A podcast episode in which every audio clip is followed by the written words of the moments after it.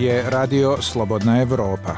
Poštovani slušaoci, tema najnovijeg mosta je da li je nakon neformalnih susreta predsjednika Srbije Vučića i premijera Hrvatske Plenkovića u Davosu i ministara inostranih poslova Dačića i Grlić Radmana u Subotici počelo odmrzavanje odnosa između Srbije i Hrvatske koji su godinama na najnižem nivou. Sagovornici su Ivo Golštajn, istoričar i profesor Filozofskog fakulteta u Zagrebu i Aleksandar Popov, direktor Centra za regionalizam iz Novog Sada. Bilo je reči o tome ko je dao inicijativu za obnovu kontakata, da li je to bio Aleksandar Vučić kao što tvrdi Ivica Dačić ili je sugestija došla iz Brisela? I da li je prvi signal popuštanja od strane Beograda bilo imenovanje Tomislava Žigmanova, lidera hrvatske manjine u Srbiji, za ministra u Novoj Srpskoj vladi. Razgovaralo se i o tome kako tabloidi i deo režimskih medija u Srbiji već godinama šire mržnju prema Hrvatima, nazivajući Hrvatsku ustaškom državom. Zašto hrvatska vlada učestvuje u finansiranju medija i organizacija koji relativizuju ustaštvo i zločine nezavisne države Hrvatske? Da li će glavni test za poboljšanje odnosa biti obeležavanje godišnjice Jasenovca i Oluje, koji su uvek do sada bili povod za govor mržnje, kao i o tome zašto se u Sarajevu sa podozrenjem gleda na svako jačanje saradnje između Beograda i Zagreba. Most je pripremio Omer Karabeg. Most Radija Slobodna Evropa. Dialogom do rješenja. U današnjem mostu razgovarat ćemo o tome postoje li šanse da se poboljšaju odnosi između Srbije i Hrvatske koji su već godinama na nađem nivou.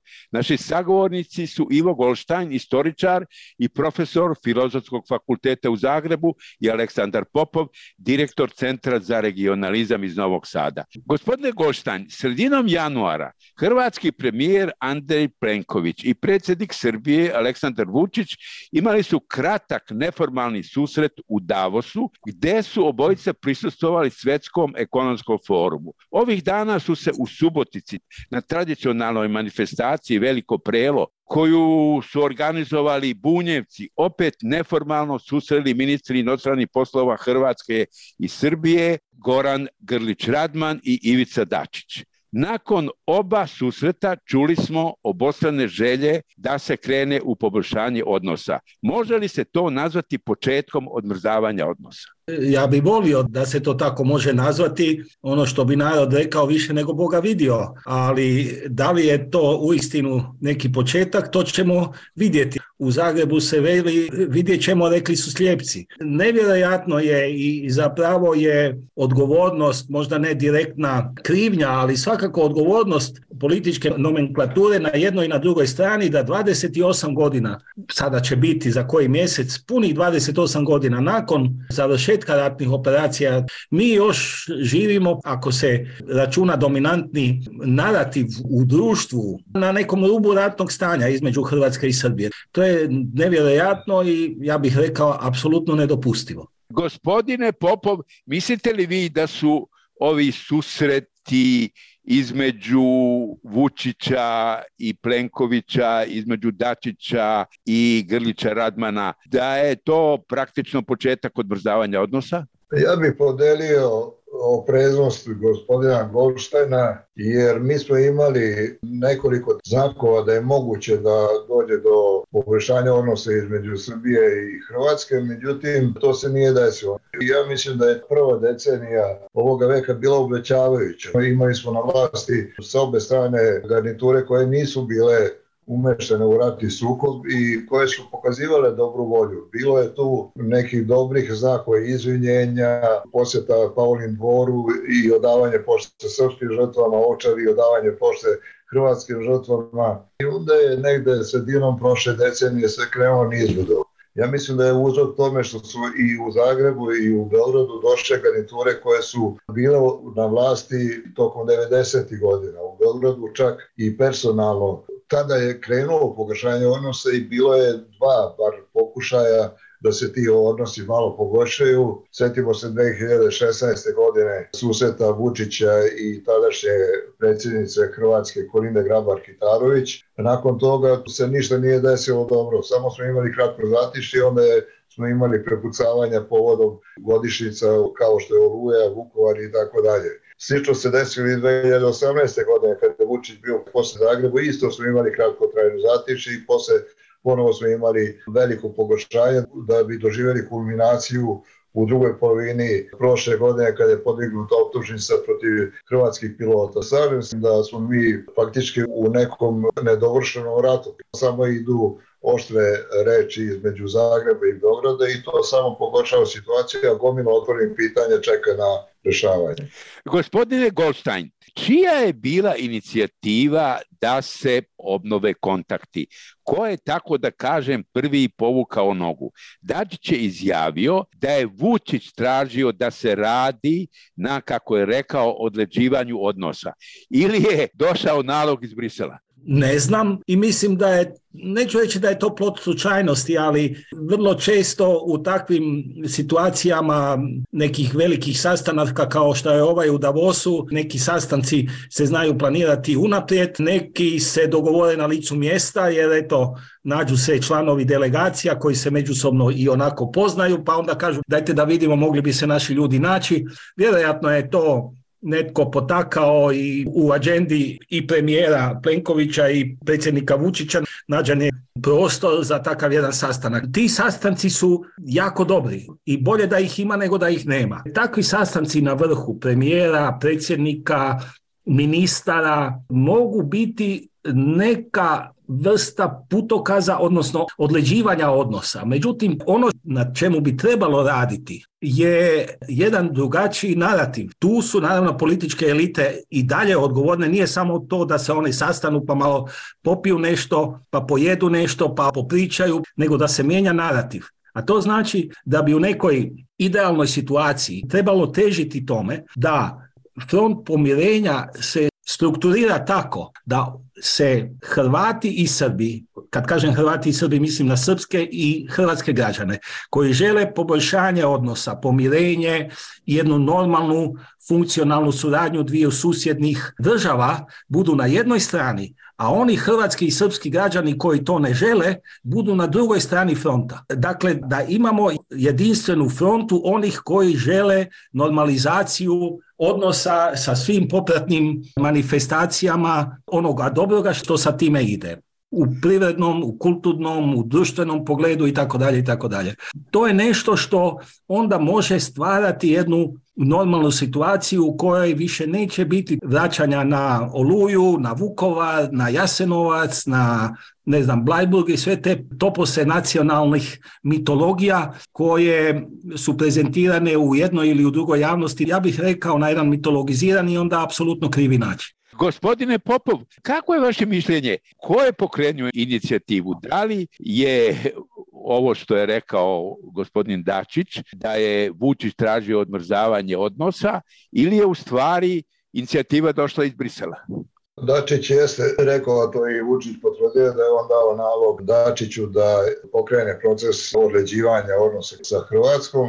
Međutim, ja mislim da je ovde jedna složenija situacija u pitanju kada je reč o sadašnjem položaju u okviru ovih globalnih kretanja u kontekstu agresije Rusije na Ukrajinu. Naime, Srbija je odjednom imala i tri velika tereta na leđima na kojima je prigovarao Zapad. Prvi teret je Kosovo, drugi je ili možda i prvi, to je uvođenje sankcija Rusiji. Treće je to što Beograd ima veoma loše odnose ne samo sa Hrvatskom, nego i sa Sarajevom i sa Podgoricom doskora, gde je došlo do neke vrste odleđivanja odnosa, tako da odjednom nositi toliki teret nije bilo moguće. Znači, Srbija se naša na pregranici ili mora da prelomi, da ide u pravcu zapada, pa da onda skida jedan po jedan od tih tereta koje je imala, ili da konačno kaže mi smo ipak se opredeli za Rusiju, ali onda ide ono što je predočeno da Srbija mora da se suoči sa izuzetno teškim ne sankcijama nego odlukama Evropa. To je prelomilo da predsjednik Srbije je u svom govoru sve to naveo konačno je rekao da Srbija ostaje na evropskom putu i da mora da prihvati ove uzase koje su predočene od strane petorke. Deo tog paketa okretanja prema zapadu zapravo je bio verovatno i poboljšanje odnosa u regionu, a samim tim popravljanje odnosa sa Hrvatskom. Ja tako gledam na stvari i mislim da je to deo ukupnog procesa gde je Srbija konačno morala da prelomi na kojoj će stranu. Poštovani slušalci, pratite Most radija Slobodna Evropa u kome se razgovara o tome da li je nedavnim neformalnim susretima najviših funkcionera Srbije i Hrvatske počelo odmrzavanje odnosa između dve zemlje. Sagovornici su Aleksandar Popov, direktor Centra za regionalizam iz Novog Sada i Ivo Golštajn, istoričar i profesor Filozofskog fakulteta u Zagrebu. Voditelj je Omer Karabeg. Gospodine Goštan, meni se čini da je sa srpske strane prvi znak popuštanja bio kada je krajem oktobra prošle godine Tomislav Žigmanov, predsjednik Demokratskog saveza Hrvata u Vojvodini, postavljen za ministra za ljudska prava u novoj vladi Srbije. Time je Srbija praktično uradila ono, a što veoma dugo nije htjela da uradi, što odavno ima Hrvatska podpredsjednika vlade koji je iz srpske manjine. Gledajte, teško je uspoređivati hrvatsku i srpsku političku scenu. Malo su drugačije posložene karte. Naime, u srpskom ili hrvatskom nacionalističkom šovinističkom panteonu, ajmo tako reći, ako smijem tako to nazvati, za hrvatske nacionaliste šoviniste Srbi su zapravo onaj arhi neprijatelj broj jedan. U ovom srpskom šovinističkom narativu Hrvati ipak ne zauzimaju to istaknuto prvo mjesto. Ja mislim da su na prvom mjestu ipak Albanci, pa onda vjerojatno muslimani, odnosno bošnjaci. To je jedno. Drugo, narativ koji dominira društvima je ostao manje više isti. Čak se mislim u nekim situacijama i dodatno pogoršava. I opća atmosfera je gotovo ratnička sa ustašizacijom javnog prostora koja je prisutna u jednom dijelu hrvatske političke scene i s druge strane četnikovanjem u Srbiji jednostavno ne možete stjecati prijatelje. Vi nužno stječete neprijatelje. Graditi mostove prema drugom i drugačijem ne možete sa povijesnim revizionizmom i ovakvim izokrenutim odnosima u vlastitim povijestima.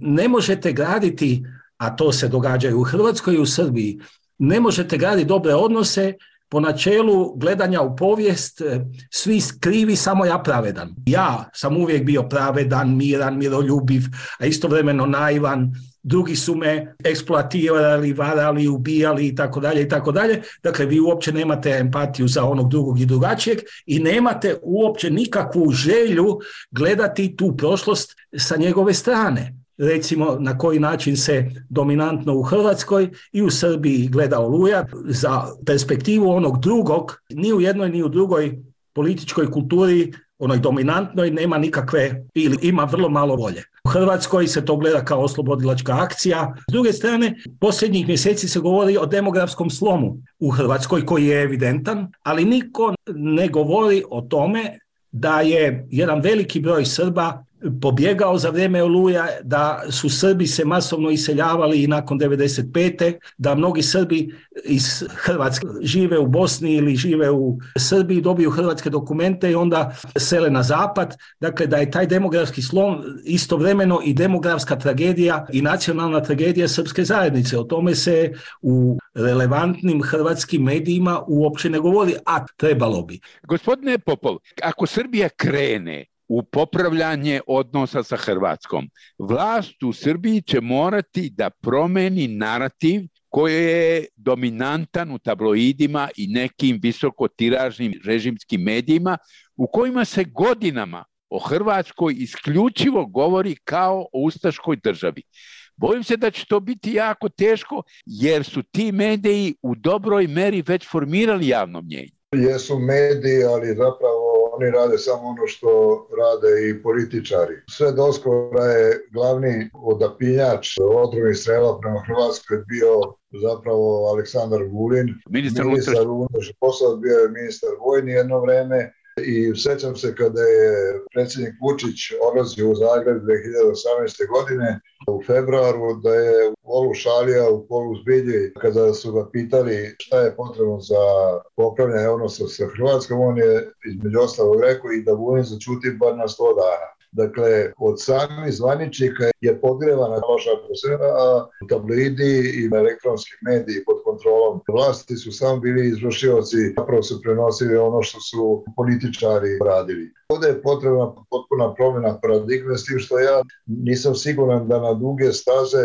bez pritiska sa strane moguće da ove garniture koje su bile na vlasti i za vreme 90. godina da one promene svoj narativ i način ponašanja. Gospodine Goštanj, da li u hrvatskim medijima, kad izuzmemo ovu ekstremnu desnicu, znamo kakav je njen narativ, a da li, tako da kažemo, u mainstream medijima dominira negativni narativ o Srbiji? Sad sam upravo u završnoj fazi redakture rukopisa moje knjige Povijesni revizionizam i neustaštvo u Hrvatskoj u posljednjih 30 godina, tako da mi je ta tema vrlo bliska.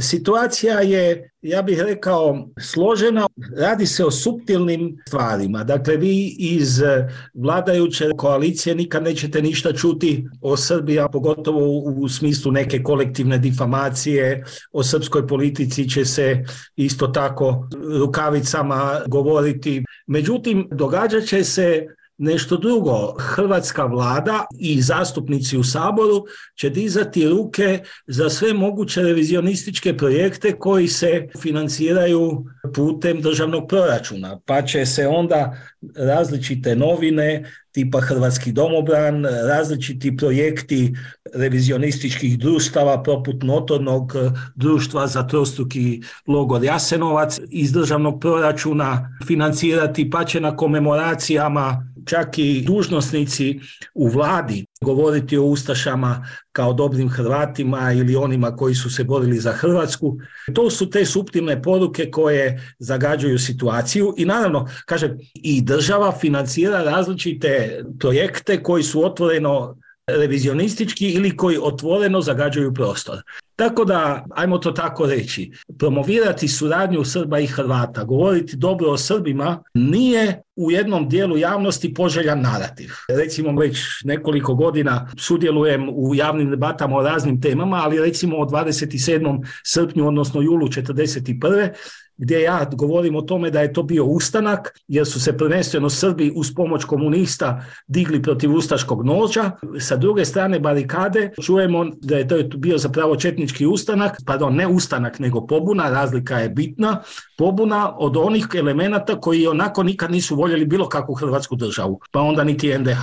Gospodine Popov, kad dođu godišnjice Jasenovca i Oluje ja se bojim da će sve da padne u vodu, jer su to prosto dva datuma koja automatski sama po sebi izazivaju žestoke svađe, zato što su potpuno diametralna, suprotna gledišta Zagreba i Beograda na ta dva teška, tragična događaja. To sve zavisi od e, čelnika naših država, kakav oni stav za i kakav dogovor bude ukoliko nakon Davosa i nakon susreta dva ministra spojnih poslova u Subotici, ako uslede koraci u pravcu normalizacije odnosa, tu se naravno mora krenuti od važih tema, lakših tema, da bi se išao korak po korak ka onim ozbiljnijim stvarima. Sve zavisi od toga kakva se atmosfera bude stvarala. Može se uz volju onih koji su na vlasti promeniti narativ i ne mora to da bude sve tako užareno kao što je do sada bilo, ali to je potrebno da se dogovori sa obe strane da se više na taj način obeležavaju te godišnjice. Poštovani slušalci, pratite Most Radija Slobodna Evropa u kome se razgovara o tome da li je nedavnim neformalnim susretima najviših funkcionera Srbije i Hrvatske počelo odmrzavanje odnosa između dve zemlje. Sagovornici su Ivo Goldstein, istoričar i profesor Filozofskog fakulteta u Zagrebu i Aleksandar Popov, direktor Centra za regionalizam iz Novog Sada. Voditelj je Omer Karabeg.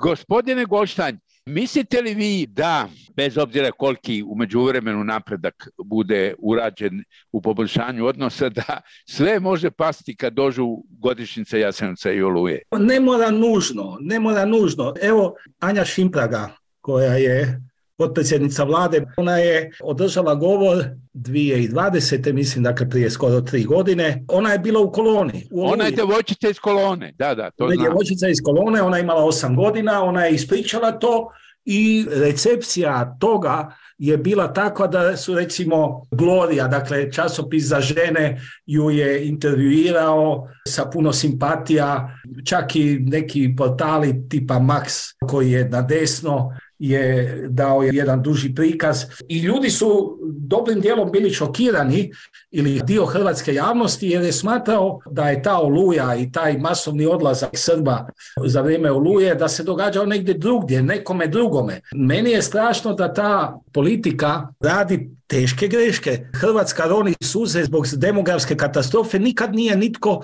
rekao pa idemo napraviti neki projekt da se ti Srbi koji su, dobro sad je već gotovo, to je već prošlo 30 godina pa se niko izoluje praktički neće više vratiti, ali da svih ovih godina takvog jednog projekta nije bilo, a događalo se recimo da pogotovo predsjednica Republike bi otišla u, ne znam, u Argentinu ili bi otišla po svijetu putovala pa posjetila hrvatske zajednice pa pozivala tamošnje Hrvate da se vrate doma nakon dvije ili tri generacije, što je bilo potpuno besmisleno jer jedan manji broj eventualno ljudi će možda doći, ali neki veći pomak i neki veći priliv se naravno neće dogoditi. To su krive drine i potpuno zastranjenja naših politika. One su loše, one funkcioniraju na posve krivi način i kanaliziraju javnost na krivi način. Ja igram cijeli život od kad znam za sebe nogomet i bio sam navijač Dinama i navijač Hrvatske reprezentacije, ali kada dođe do politizacije i kada su recimo prije, to je 20 i nešto godina, Dinamo pobjedio Partizan u Zagrebu, mislim da je bilo 5-0 i ja sam bio oduševljen, ali sam bio zgrožen i žalostan, baš žalostan, tužan, da su navijači vikali Vukovar, Vukovar. Mene je to bilo nevjerojatno, jer jedna nogometna utakmica koja je bila lijepa i u kojoj čovjek hoće uživati na jedan bešćutan, besaman način bila politizirana. Kao da ubijena na ovčari mogu vratiti golovi nekih dečki koji jako dobro igraju nogomet. Činjenica da se unatoč nekim nastojanjima ne može stvoriti jedinstvena nogometna ili futbalska liga, a ona bi zapravo mogla sugerirati najširoj javnosti, pogotovo onoj muškoj, da se sa onima drugima može, dakle da se sa Srbima, odnosno sa Hrvatima može živjeti, jer evo možemo igrati nogometa da se ne potučemo do krvi, a ja mislim da te utakmice bi bile izvanredno zanimljive i da bi to bio izvrstan nogomet koji sada u nogometnim prvenstvima Hrvatske i Srbije takve konkurencije nema. Dakle, podigao bi se interes za nogomet, ali politički bi benefit bio kudikamo veći, jer bi se pokazalo da se sa onima drugima može i da se ne moramo nužno potući kad se igra nogomet ili bilo što drugo, nego da se može živjeti normalno i da ti sportaši, ja mislim velika većina tih dečki koji su vrhunski sportaši su cijepljeni na ovakve nacionalističke ili šovinističke ispade. Vidjeli smo i u rukometu i u košarci i u nekim drugim sportovima kako je to dobro išlo. A dobro, mislite da onda treba krenuti malim koracima, da ova velika pitanja kao što su nestali i kao što je granica između Srbije i Hrvatske, da to možda treba ostaviti za kasnije? ne znam, teško mi je reći, nije postojala u svih ovih godina politička volja ni da se mnoge druge stvari rješavaju koje imaju veze i sa dnevnom politikom i sa kulturom sjećanja. Nažalost, sve to stoji. Gospodine Popov? Mislim da bi trebalo te stvari raditi uporedo. Granice treba rješavati, ako ne možemo da se dogovorimo da li je to međunarodni princip da je granica na sredini Dunava ili ono zašto se Hrvatska zalaže za katastarski princip na osnovu austro katastra, delegirajmo to da se rešava na međunarodnom nivou kad je reč o nestalima, mora se formirati neka zajednička komisija gde se ide korak po korak. Međutim, šta je ovde problem? Problem je u tome što trag od žrtve vodi ka počiniocu. Moglo bi se korak po korak, ali mora postojati politička volja koja do sada nije postojala. Da li će se ona sad uspostaviti, to ćemo vidjeti.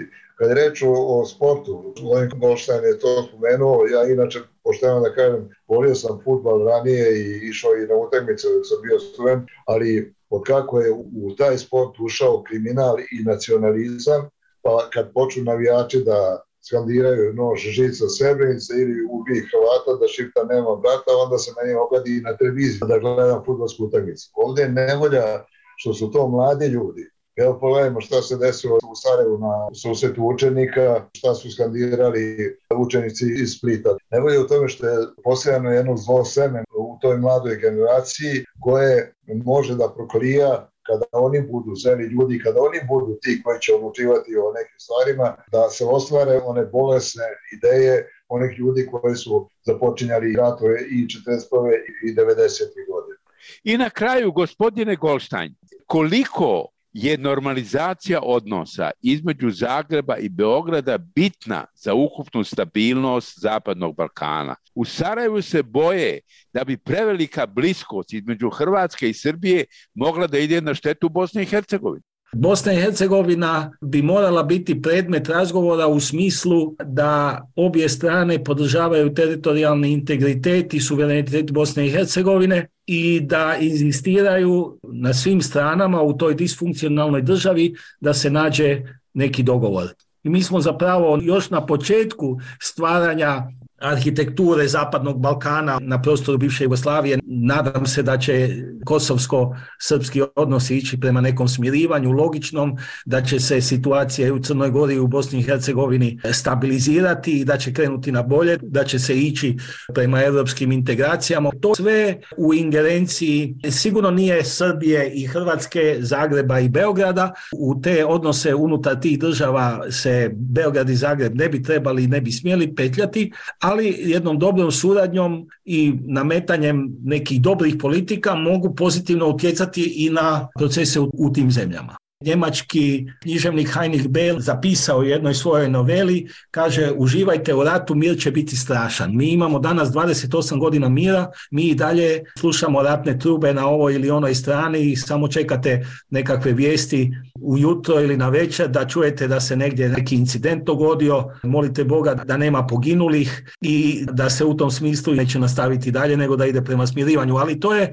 gotovo bih rekao, priča bez kraja koju ja se nadam da će naša generacija u jednom trenutku ipak uspjeti podvući crtu i da će ići prema boljem. Gospodine Popov, po vama koliko je normalizacija odnosa između Zagreba i Beograda bitna za ukupnu stabilnost Zapadnog Balkana? Nažalost, ja imam utisak da mi živimo u nekoj atmosferi nezavršenog rata ili Karadžorđeva 2, Kad je bio jedan od sastanaka na brudu kod Kranja, predsjednik Vučić je rekao da je razgovarao sa Plenkovićem i da jedina stvar oko koje su složili to je Bosna i Hercegovina, što meni baš nije prijelo, jer dve države koje su potpisnice Dejtonskog porozuma, one su morale da čine sve da njihov sused Bosna i Hercegovina da bude funkcionalna država, one to nisu radile.